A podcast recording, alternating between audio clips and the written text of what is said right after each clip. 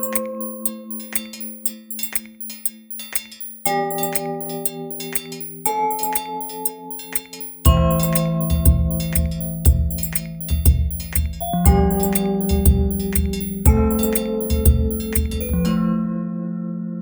Varmt välkomna till Rum för översättning som idag ska handla om 2021 års nobelpristagare Abdulrazak Gurna.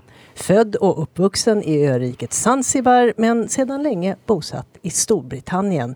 Jag heter Yukiko Juk och jag har den stora äran att sitta här i studion med Gurnas översättare till svenska, Helena Hansson och Erik Falk, doktor i litteraturvetenskap och tillika Gurna-kännare. Varmt, varmt välkomna!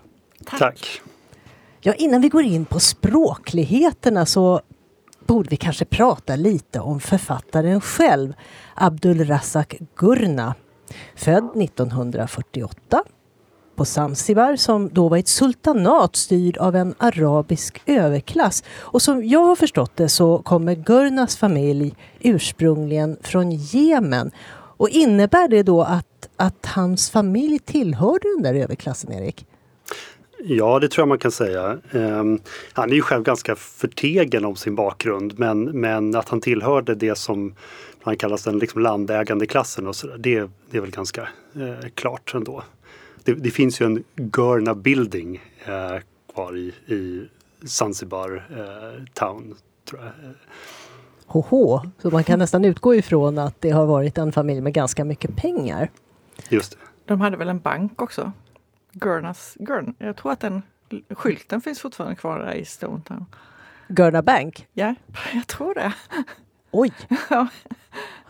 Men det här får ju konsekvenser på 60-talet. För Zanzibar ligger ju öster om Tanzania och 1962 så blir Tanzania eh, en demokratisk republik efter att länge ha varit en brittisk koloni.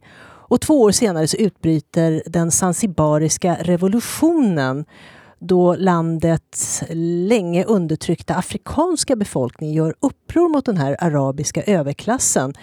Och vad händer med Gurnas familj då? då? Vad händer med Gurna? Ja, han flyr ju till eh, Storbritannien. Han kan inte vara kvar. Han lämnar ju sin familj. Han flyr väl ensam om jag har för mig rätt. Ja. Som ung man eh, i över tonåren. Och hamnar... Och det var ju förresten så att det var ju inte Tanzania som blev självständigt utan det var ju Tanganyika. Så var det dessutom. Ja. Just det, 1961 och sen ja. bildade de union. Med eh, Zanzibar. Precis, 64. Ja. Eh, efter, det, efter revolutionen. Precis. Mm. Och det som händer då är ju som sagt att, att det blir en, en svårare situation för den arabiska överklassen mm. och Gurna han tar sig då mm. till Storbritannien. Och vad är mm. det för tillvaro han, han har där då? Vet vi det? vi, vi, vet inte så jättemycket om det men jag, jag tror att det är en, en ganska, ganska svår eh, eh, tillvaro han har där. Som eh, en ensam ung man som försöker liksom hanka sig fram. Eh, sådär. Om jag förstått det rätt så lämnar han en bror kvar. Va? Eh, han har väl flera syskon också men, men eh, bror. Så att han är ju en, en sån flykting som han skildrar i en del av sina verk. Hans, hans debutroman Memory of Departure, den historien som berättas där kan man nog kanske tycka påverkar, påminna ganska mycket om Görnas mm. egen erfarenhet. Eh, så det är nog en väldigt, väldigt tuff tillvaro. Eh. Han har ju sagt själv att han, när han började skriva där i strax efter 20 så var det ju för att bearbeta Alltså sina känslor av främlingskap och utanförskap och, och exil. Eh, och den, den, här historien om, om människor i exil och, och rotlös tillvaro mellan, mellan Afrika och Storbritannien, den återkommer i väldigt många av hans böcker. Mm. Mm. Jo, han sa att han snubblade in i skrivandet, mm. att han mm. började skriva små snuttar och så blir de mm. längre och längre och till mm. slut så inser han att han håller på med någonting, att han faktiskt kanske nästan är författare. Mm. Sådär, ja. Men att det verkligen är som du säger, det börjar som ett processande av de där ganska ja. jobbiga erfarenheterna av att vara, vara migrant. Och hans egentligen, hans verkliga debut var ju faktiskt en novell i en antologi eh, eh, novellen Burar som, ju, eh, som jag översatte för Karavan eh, för några år sedan. Eh, som ju kom, faktiskt kom i, den antologin publicerades ju före Memory of Departure. Och den, jag tror att det var lite hans smala lycka där att den afrikanska litteraturens nestor Chinua Achebe var redaktör för den där antologin som kom ett par år före mm. Memory of Departure. Och som såg honom. Ja precis. Som en väldigt ung man då. Men sen om man ska skissa hans vidare liv så, så blir han ju också, apropå ja. Chinua Achebe och så, när han väl lyckas etablera sig så blir han ju en intellektuell och han blir så småningom professor i, i eh, postkolonial litteratur vid, vid universitetet i Kent. Och, ja. och, han är redaktör för, för Vasafiri och han är redaktör för böcker om afrikansk litteratur. Och har eh, skrivit en bok om Salman Rushdie och sådär. Så att han, han blir ju verkligen en sån här mm. eh, ganska bred intellektuell mm, då får man mm. säga. Han har ju också intresserat sig väldigt mycket för den västafrikanska litteraturen och eh, eh, forskat på den och, och, var väl också professor i Lagos under en period tror jag. Jo, alltså, det var han. I flera ja, år var han ja, i Lagos. Mm. Um, och det här är ju, alltså det är lite kluvet för honom har jag förstått det här med postkolonial. Mm. Han är inte jätteförtjust i just uttrycket postkolonial litteratur. Vad är det som, som gör att det skaver för honom? Han är väl inte så förtjust i etiketter överhuvudtaget tror jag. Men jag tänker att alltså, det finns ju vissa förväntningar på, på det som vi kallar för en postkolonial författare. Och jag, han eh, han uppfyller ju inte våra eh, förväntningar som utomstående betraktare på det. Han, alltså han är ju till exempel aldrig konfrontativ. Eh, och eh, han, han, tar alltid de koloniserades perspektiv naturligtvis men, men han är aldrig polemisk eller det blir aldrig någon plakatlitteratur av det hela och det kanske är det, så den, de det som eh, på någonstans lite grann impliceras i, i postkolonial, uttrycket postkolonial litteratur som han vänder sig mot. Ja, det, det, tror jag också samtidigt mm. som den här kluvenheten går lite genom honom själv också eftersom han ju han naturligtvis är, jag menar, han är ju professor så ja. småningom då i, i just postkolonial litteratur så att mm. han är ju liksom väldigt bekant med hela den teoribildningen, mm. det sättet att analysera mm. och har liksom använt det själv också i sina akademiska artiklar och sådär. Så att han behärskar ju det till fullo. Men sen så är det väl kanske också författaren Ion som liksom stretar emot som där litteraturen ju ofta, som han är ett väldigt bra exempel på, nyanserar och komplicerar och sådär så är det det som blir liksom problematiskt mm. med, som du säger, det här med liksom etiketterna som man kanske som som forskare eller, eller så intellektuell vill använda sig av ändå för att sortera erfarenheter och sådär. Så, så att jag tror att det, det är lite någon sån spänning också mellan olika eh, olika verksamheter. Som man alltså jag tror att det är ganska så vattentäta skott mellan professor Gurna och författaren Gurna lite grann faktiskt. Eh, det är den uppfattningen jag har fått. Eh, eh. jag kan tänka mig att det handlar lite grann också om att så många postkoloniala författare ägnar sig åt något sorts nationsbyggande. Ja. De ska på något vis ja. ställa sin penna ja. i nationens tjänst och riktigt där är ju inte han. Han är inte intresserad av det, nej, nej. precis. Om vi tittar på hans, hans litteratur så handlar det ju väldigt mycket om det där man brukar kalla för mellanförskap. Han är ju mm. mellan två kulturer. Hans gestalter mm. rör sig ju mellan kulturer och inte riktigt hemma någonstans egentligen. Mm. Ja, nej, men det är, på något sätt så är det ju väldigt mycket glappens litteratur. Det är ju inte bara, det är inte bara glappen och mellanrummen mellan eh, eh, hemma och borta utan det kan också vara eh, alltså sånt som eh, glappet mellan de som blev lämnade kvar och de som, eh, alltså mellan vän och fiende och mellan um... Mellan den som reste och de som ja, blev kvar? Mm. Jag tror också att han är en sak som jag tycker hör till hans storhet är väl att han är, han är bra på att beskriva identiteter som dels liksom flytande men också lager på lager. Va? Att det, det, han är absolut inte någon nationsbyggande författare som du säger och det, och det är nästan lite intressant i hans litteratur att nationen finns ju såklart med på något sätt. Mm. Eh, mm. Zanzibar och liksom regim och sådär. Men mm.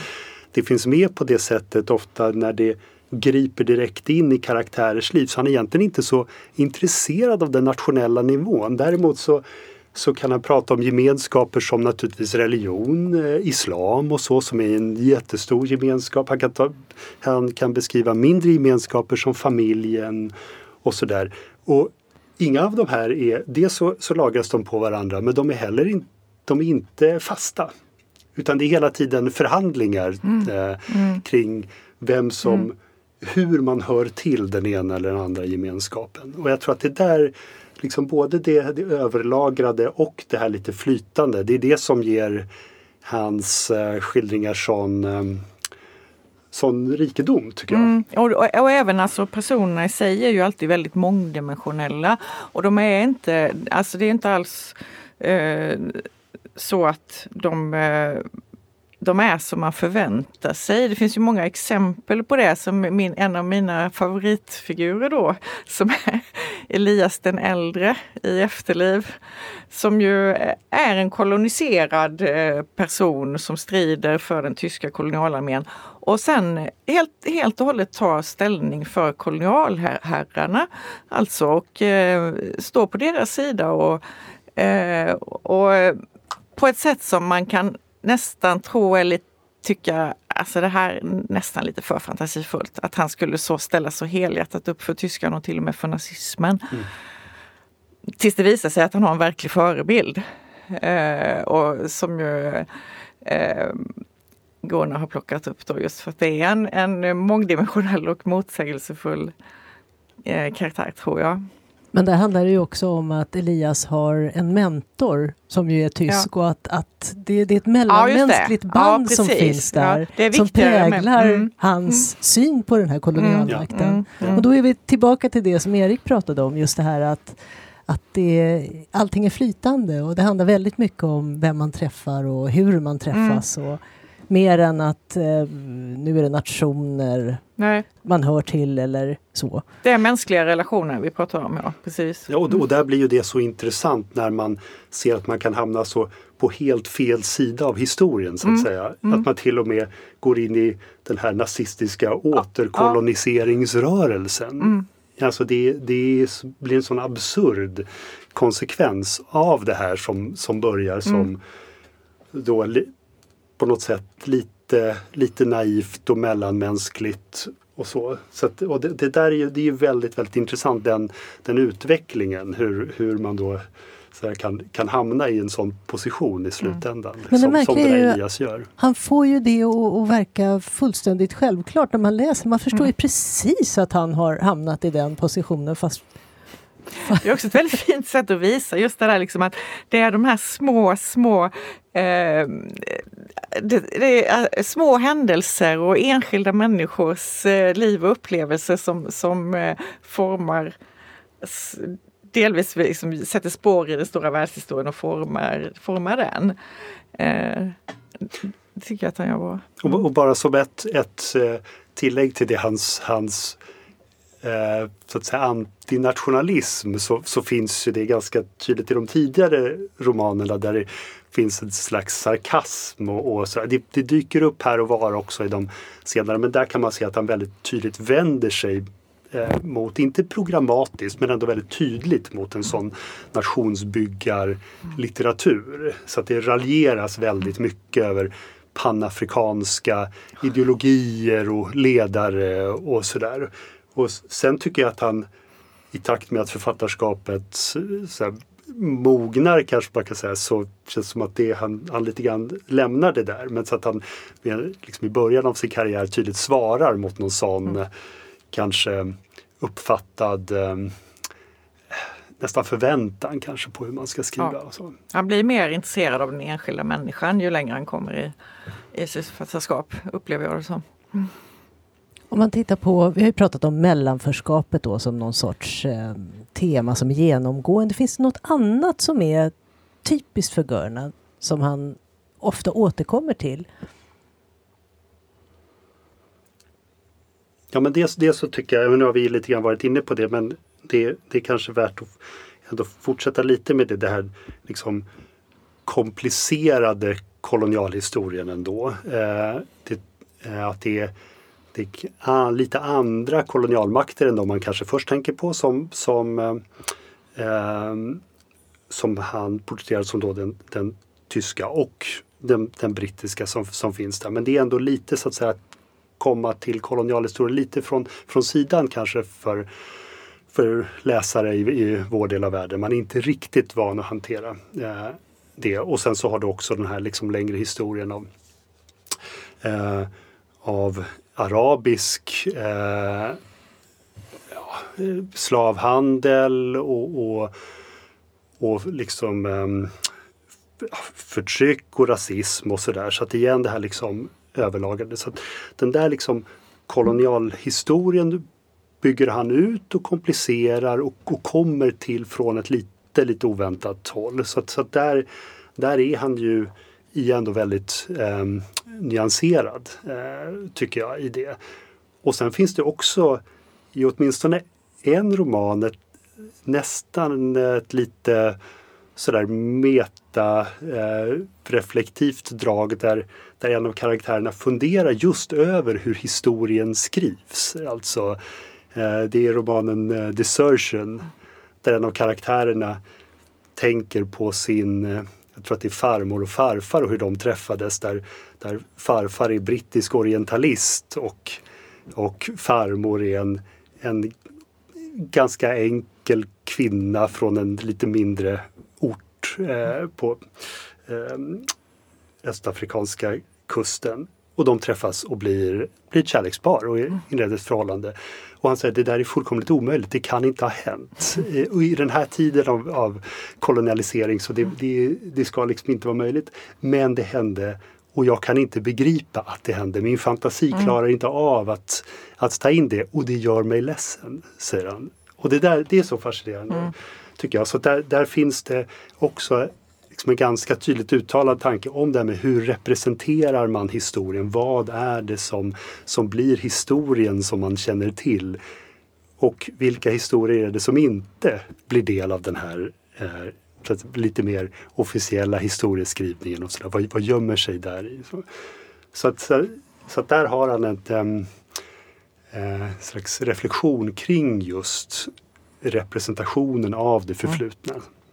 Desertion finns ju inte på svenska än, men du, håller, men du håller som bäst på och försöker... Uh... Ja, den, den kom, jag ska inte börja på den riktigt än, men jag ska översätta den. Det, så den kommer till, till våren om ett år ungefär, drygt. Jo, men jag skulle säga om ett, om ett annat tema som faktiskt återkommer kommer på nu. Det är ju om eh, barn som far illa. Det, det förekommer ju i väldigt många av hans romaner. Det är ju, och det är ju de mest fasansfulla öden eh, som man får möta Eh, alltså det kan vara plågsamt att läsa om barn som, är, som lever i skuldslaveri. Det finns ju till exempel flera stycken eh, av hans, i, i, flera stycken av hans romaner.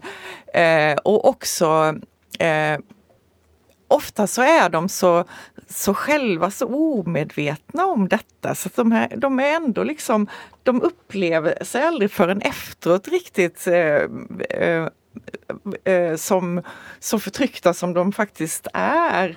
Eh, det, detta återkommer flera gånger. Det är, väldigt, eh, ja, det är väldigt drabbande att läsa om de här barnen. Han, han gör ju också, eh, han är också väldigt duktig på att eh, skriva ur barn, dessa barns perspektiv, att, hur de upplever det. Som i den, här, i den senaste Efterliv då så har vi den lilla flickan som heter Afia som är skuldslav. Eller hon blir, ja, hon är slav i alla fall, inte skuldslav kanske. Men, eh, och det finns en väldigt gripande scen när hon eh, dyker ner i vattnet vattentanken och lyssna på sitt eget eko. Alltså det är som en stor vattenkruka som är deras vattencistern, eh, den där familjen där hon eh, slavar.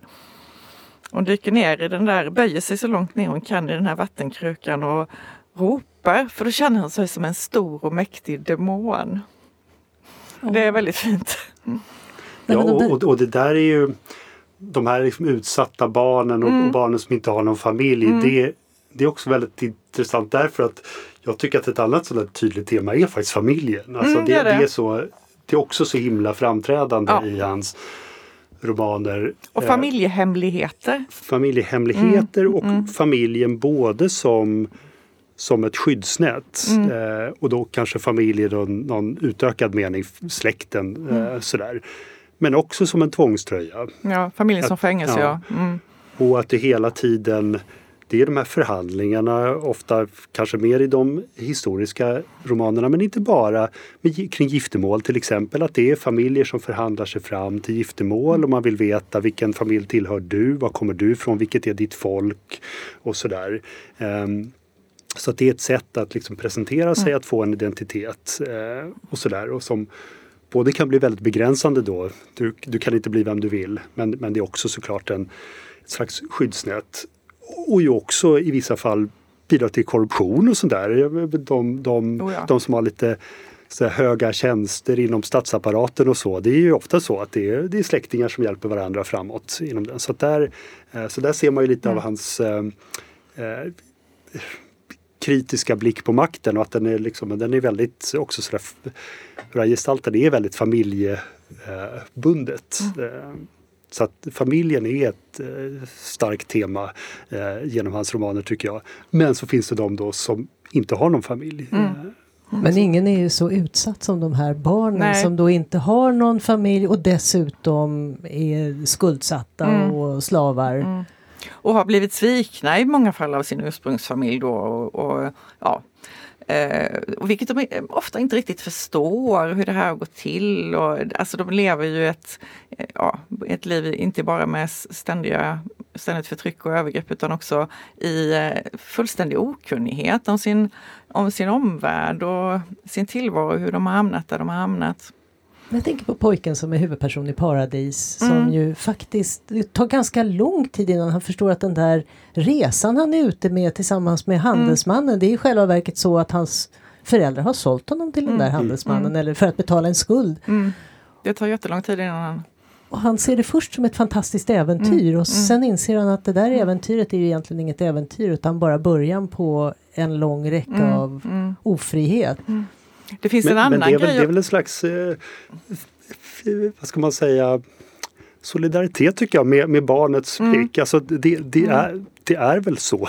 det är lätt att tänka sig att det är så att men, normaliteten finns där och så man är, nog, då kan det sån här sak upplevas som ett äventyr och så Mm. gradvis går det upp för en. Det, jag tycker att det är ett det är väl ett prov på att han är väldigt skicklig på att eh, gestalta sånt här. Ja, och Yusuf där som är så imponerad av, av äh, vapnen och eh, hornblåsarna. Men det är jättefestligt till en början. Eh, ja, eh, men en annan grej som jag tänkte på just när det gäller familjer som kanske är, framförallt är de eh, mera eh, nutida, inte de historiska romanerna utan de mer nutida.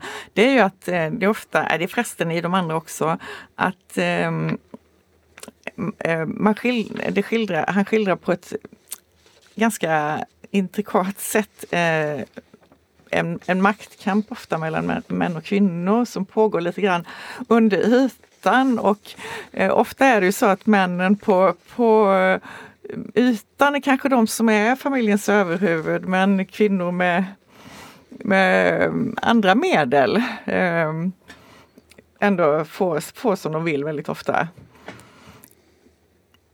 Och eh, jag menar, det är ju det är självklart att det, att det finns inte bara, inte bara barn som är utsatta utan det, finns ju, det är ju också ett stort kvinnoförtryck som pågår men han, han eh, skildrar inte det heller på något programmatiskt sätt utan ehm, eh, ofta hittar de här kvinnorna utvägar ur sin begränsade situation och lyckas eh, på olika sätt förändra sin tillvaro. Lär sig läsa till exempel. Mm. Det finns strategier hela tiden att ta till Mm, mm. som, man, som kanske inte är vad vi tänker på i första Nej. hand när vi tänker afrikanska kulturer och så. Mm.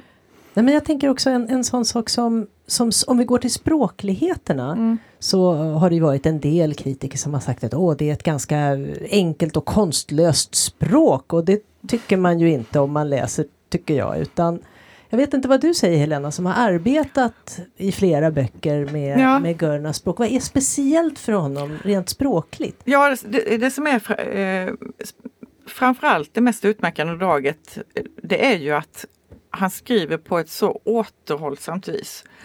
Alltså det är, han tar ju inte till några stora ord eller ehm, utropstecken. Nej men det är inget, allt, även de mest fasansfulla och dramatiska skeenden skildras på ett mycket sansat sätt. Och det, det, det är ju ganska det är ju utmanande att översätta för att man, det är väldigt lätt att man tar till överord.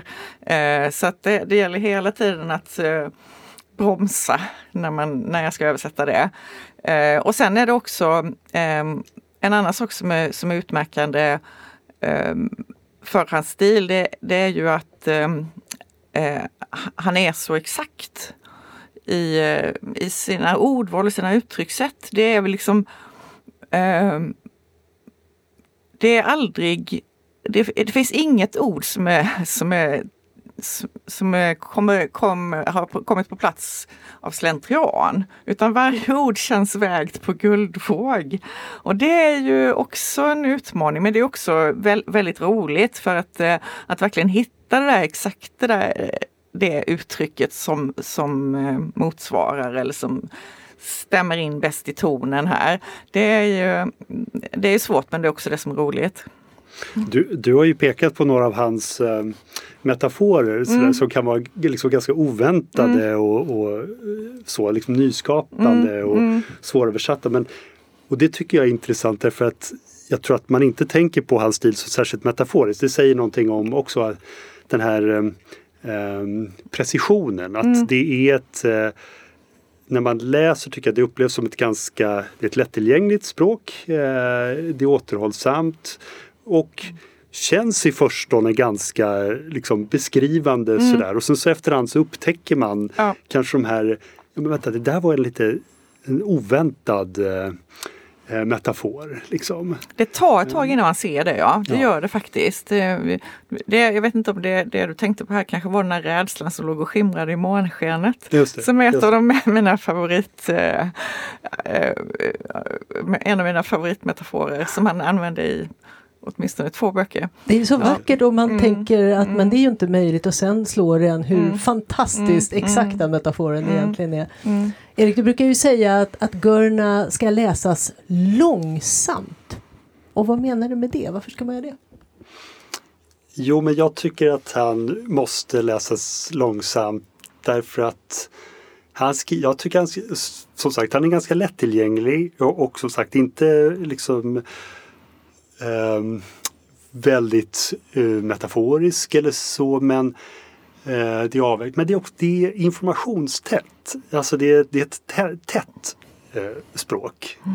Eh, så att det, det kan hända väldigt mycket i en mening. Det kan Eh, Det kan vara tids... Det kan hoppa i tid eller i berättarperspektiv eller sådär. Och, och då behöver man vara, vara uppmärksam och det är lätt att man missar någonting om man försöker forcera läsningen. Den, den, det är som att eh, romanerna bestämmer en, en rytm åt dig och det, det är väldigt svårt att liksom pressa på det. Den, eh, men också med, med det sagt så är han ju han är ju en stor berättare tycker jag. Alltså han är, han är liksom nästan epiker på något vis. Hans, hans berättelser spänner ofta över generationer. Eh, därför att händelserna utspelar sig över generationer och det är liksom en poäng i hans författarskap att, att visa det. Just det här som vi varit inne på att en, någonting kan hända här och så, så liksom några decennier senare så får det liksom en, en konsekvens här. Eller en, par generationer senare så, så ser man vad resultaten av de här händelserna blev. Så att han, han är liksom en, en berättare som drar ut eh, historierna. Eh, så.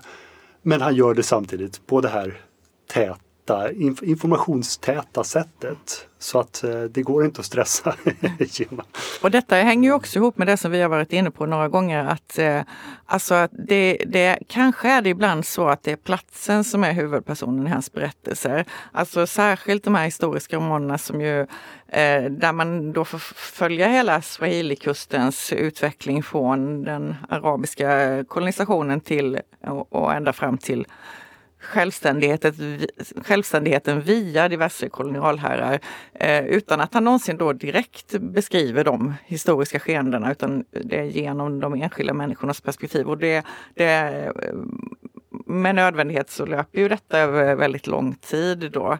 Och, eh, han är ju också han är en berättare och vad ska vi säga att det är ju lättläst på det sättet att det är ju aldrig direkt experimentellt i form eller så, utan formen är ju den traditionellt berättande formen. Och det gör ju att det på ytan kan kanske verka enklare än vad det faktiskt är. För det, det pågår väldigt mycket under ytan som man, eh, man måste inte se förrän man eh, läser långsamt. Um. Och det finns någonting nästan, eh, och jag jag tror jag vill säga nästan liksom muntlig tid i mm. det där. För att han är så, i med den här precisionen och sådär, det är så mycket eftertanke i det så att det är, det är inte, det är inte liksom en eh, eh, vad ska man säga, en kvick berättarröst man hör utan det är väldigt tydligt liksom skriven mm. romankonst. Men, men det finns ändå det där tydliga draget av berättande. Man brukar ibland säga det här på på kanske framförallt eh, engelskspråkiga eller amerikanska skrivarkurser så, så pratar man om att, att show don't tell. Mm. Eh, men, men, men Görna, det handlar allt om att tell. Mm. Det, det, är väldigt lite scenerier, det är väldigt lite miljöskildringar. Det, det är händelser som berättas. Sen kan det vara små händelser, inte någon stor dramatik nödvändigtvis. Men, men det är alltid kopplat till händelser. Det är en berättelse som går framåt. Mm. Sen kan det också vara så att, som i Admiring Silence, att en berättare säger Ja, jag måste börja berätta det här men då måste jag gå tillbaks och berätta det här först och kanske det här först och vad börjar egentligen berättelsen? Så det, det återkommer där... några gånger har jag för mig faktiskt. Ja. Och det, det, är väl där man ser liksom rötterna i det muntliga berättandet verkligen. Alltså de är, det är tydliga rötter i, i någon slags muntlig berättartradition trots allt. Jag tänker, jag, jag tänker också det här sättet att berätta på, att han är ganska återhållsam. Mm, och sen mm. kan det vara en liten detalj. Man berättar att det finns en trädgård och så berättar man om en liten blomma. Och helt plötsligt så, som läsare så ser man den där blomman som mm. lyser i trädgården. Det är så oändligt skickligt. Men det är precis som, som ni har sagt att man, man måste läsa långsamt mm. för annars mm. tappar man bort de här detaljerna och förstår inte mm. vad som är känslostarkt i de här berättelserna. För de är ju, det finns ju under ytan så oerhört mycket känslor mm. Som ligger och bubblar. Mm. Precis, och jag har faktiskt aldrig tänkt på det som du sa nu Erik, om att det inte är så mycket scenerier. Men det är det ju inte. Men det är ju ändå så att man väldigt tydligt målar upp de här för sig och det är väl kanske också kännetecknande för det muntliga berättandet som utgår från händelsekedjor men, men målar upp hela världar och bilder eh, på det indirekta viset. Ja, jag tror om det, om det man får som i The Gravel Heart tror mm. jag man får en, en bild av en eh, en, eh, utanför en port där några ligger och, och sover helt plötsligt så kommer en liten detalj där. Men liksom, jag tror att det är någon gatusopare som, som, så, som, som har det som sin sovplats. Då får man en liten skildring av det. Och då är det för att just det är betydelsefullt. Då. Det är inte hela gatan, det är inte hela fasaderna, det är inte liksom hela den här exteriören utan det är som du sa, en, en liten detalj därför att den är betydelsebärande just där och då. Eller ett fönster som en som en ung man tittar ut igenom för att få, där han får syn på en kvinna som han sen eh, gifter sig med. Och så där. Då är det just då är det just den delen av mm. rummet mm. Mm. med stolen framför fönstret och balkongen som mm. man ser ut Då är det just det man får. Inte hela rummet, inte liksom resten av eh, stadsmiljön och sådär. Så, att, så att det, det, är väldigt typ, kopplat till liksom, viktiga händelser. Eh, just där. Det är aldrig, aldrig scenerier för mm. sin egen skull så att säga. Och sen det här med viktiga händelser, att det är ju ganska ofta som Alltså någonting, en händelse som blir väldigt avgörande, det förstår man inte förrän långt efteråt att den var det. Och det är också det en anledning till att man ska läsa långsamt. för att det, Jag har i alla fall fått det många gånger att jag får en aha-upplevelse långt efteråt. Jaha, det var därför det skedde. För det ledde sedan fram till det här 200 sidor senare. Uh, och det är också väldigt, uh, alltså väldigt skickligt Eh, komponerat, eh, måste jag säga. Men är det inte så det är i livet? Helt plötsligt så inser man hoppsan, just det, och det var därför det blev så där, därför att den personen kände den personen och så hände detta. Ja, och, och det bra är... skönlitteratur är ju som livet. Ja, jo men precis så. Nej men det är väl just det livet är, tänker jag. En, en räcka händelser som i förstone kanske inte verkar hänga ihop, men som så småningom gör det mm. genom livets gång. Mm. Och det där är han ju så oändligt skicklig på att skildra men har man inte hängt med från början och har man inte läst ordentligt och noggrant då missar man ju de där mm. små ledtrådarna som finns i texten. Sen ska vi väl inte överdriva här med, med, med, hur, hur noga, för det kanske låter avskräckande och du måste läsa jättesakta och jättenoga.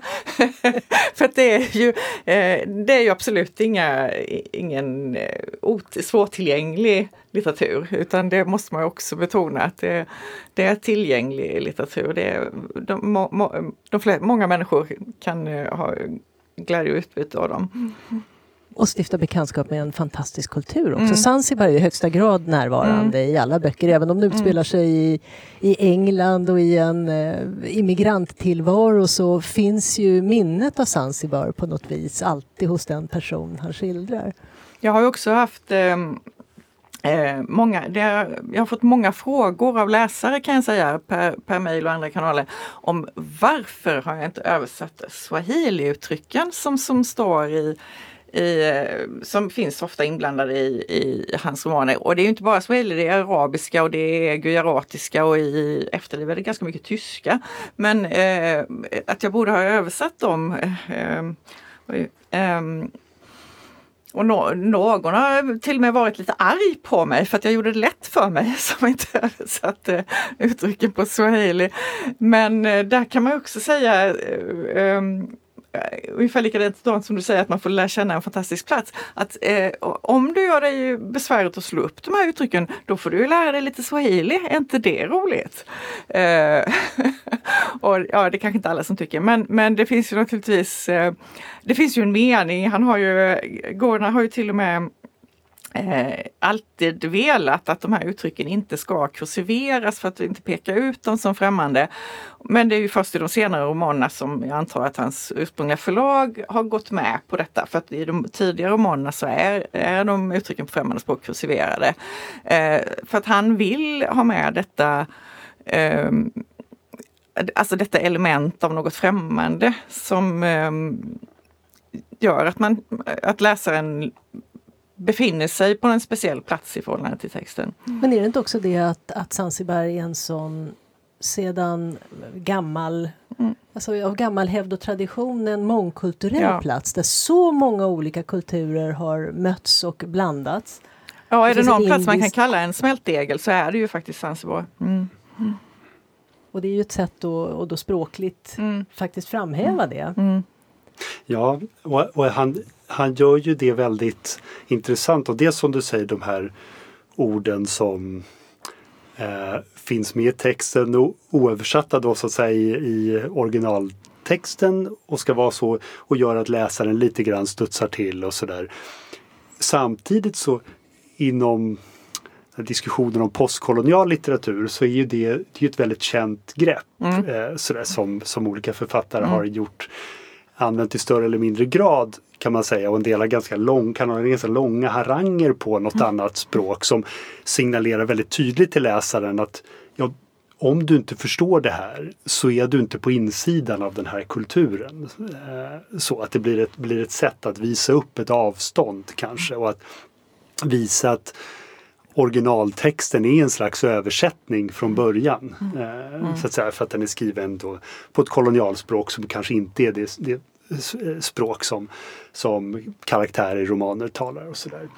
Han väljer ju en, en väg som är igen präglad av någon slags återhållsamhet. Mm. Där, att de här orden finns, eh, man studsar till men det är ju inte så att det stör förståelsen av texten och det är han väl liksom väldigt noga med eh, tror jag. Så att han har inte det här eh, jag vet inte om man ska kalla det liksom eh, språksaboterande draget så kanske en del författare har ägnat mm. sig åt och sådär. Utan han är, det, han, det är väldigt liksom kommunikativa texter ändå. Vill, vill ändå att läsaren ska vara med och liksom skapa förståelse. För, man kan ju alltid förstå, man kan alltid räkna ut av sammanhanget vad det betyder ungefär mm. i alla fall. Så att, eh, så att det är inte, handlar ju inte om att alienera läsaren, inte alls. Men, men ändå att ge en, ge en känsla av att eh, nu befinner vi oss någon annanstans än där du befinner dig som läsare. Och det, det, ja, jag tycker att det är väldigt eh, Ja, det är en del av skärmen faktiskt att han eh, använder det. Och han är ju också, när vi pratade om förut, att han tillhör den arabiska överklassen eller tillhörde den arabiska överklassen i, eh, på Zanzibar så är, är det ju ändå så att hans modersmål är swahili. Det finns ju, fanns ju också mycket arabisktalande men eh, han, han var ju swahili-talande faktiskt. Men han, hans eh, skolgång har ju, det var väl bara den allra första eh, skolgången som var på swahili. Sen, sen, sen var den ju på engelska och det, det är ju gemensamt för väldigt många afrikanska författare. Nu gjorde jag citattecken i luften här men um, uh, att deras skriftspråk, deras primära skriftspråk är engelska. Och sen har det ju funnits en rörelse mot det förstås, att skriva på kolonisatörernas språk. Men det, det är ju Ofta är det inget konstigt att man har engelska som sitt skriftspråk eller, ja, eller franska eller vad det nu kan vara. Eh, utan det är det primära skriftspråket för Gorna och många andra. Inte alltid finns det ett skriftspråk heller. Nej, det är, inte alltid, det, ja, men, men, det är inte alltid det finns. Nej, verkligen inte. Nej. Han, han, har ju i några fall så har han ju ett väldigt subtilt sätt att visa på de där eh, hur den här liksom mångspråkigheten finns. Som, eh, jag tänker på en scen i, i By the Sea där de två männen som historien eh, handlar om. De kommer från två familjer som har legat i konflikt med varandra. Ett väldigt sårigt förhållande. De, de möts i, i Storbritannien och ska på något vis försöka upprätta någon slags eh, relation till varandra och förstå varandra och sådär. Väldigt, väldigt fint beskrivet. Men då så eh, är det någon scen där som där, där en av berättarna då, det, det är två olika berättare då, i den här, när dem säger eh, jag, någonting i stil med jag frågade hur, hur, hur du mådde eller hur han mådde. Men sättet som jag sa det på var är det väl med alla där hemma? Eller något sånt där. Mm. Så då förstår man att det här som då är skrivet på engelska, den frågan ställs inte på engelska mm. i, liksom mellan karaktärerna utan det är på swahili naturligtvis. Mm. Men texten återger det här på, på engelska då. Så att det där är, mm. det är också ett sätt att visa, det skulle han ju kunna ha gjort till eh, skulle kunna haft swahili med i texten som hade då eh, då hade läsaren liksom fjärmats lite grann från den här texten. Men, men här är det bara den här hälsningen, eh, salam alaikum, som, som sägs på arabiska och sen så resten av swahili-diskussionen så att säga, återges på det viset. Men texten signalerar väldigt, väldigt fint att ja, det är egentligen inte engelska mm. som den här dialogen utspelar sig på. Men texten som jag läser är, är mm. på engelska och då så visar den då på det där sättet. Så det, där ser man ju också hur han med, de, med de här små, små medlen både visar liksom de här flera språken finns samtidigt men inte på ett sådant sätt att det stöter bort läsaren. Nej, som ni har sagt åtskilliga gånger nu så är det ju en, en tillgänglig författare. Det är ju faktiskt en nobelpristagare som vem som helst kan läsa och ha stor stor glädje av att läsa. Var ska man börja någonstans då? Har, om man aldrig har läst Gurna tidigare, vad, vad, tycker ni är en bra roman att börja och sätta tänderna i och varför? Alltså jag tycker ju då för det första att man ska, man ska ju eh, helst läsa Gurna på svenska. Eh, och, eh, men jag tycker ju alltid att man ska läsa litteratur i, på sitt modersmål om det finns. Eh, och då tycker jag att den, de, av de tre som fin, romaner som finns nu så är nog eh, Den sista gåvan den mest lättillgängliga. Den är ju den är väldigt mycket en den som av de här tre romanerna som finns så är väl den, den som mest följer formen för eh, roman, nut, nutida roman. Den har två tidsplan och två rumsplan och eh, det är gamla hemligheter som nystas upp och, eh, nu låter det här som att det är en Formel 1A, men det menar jag inte alls. Utan den, det är en väldigt bra roman och det är kanske den som sagt mest lättillgängliga och den som är lättast för en eh, västerländska eller svensk läsare att sätta sig in i av de tre som finns på svenska. Sen tycker jag ju då som, som väl alla andra också tycker att Paradiset är den bästa av hans romaner.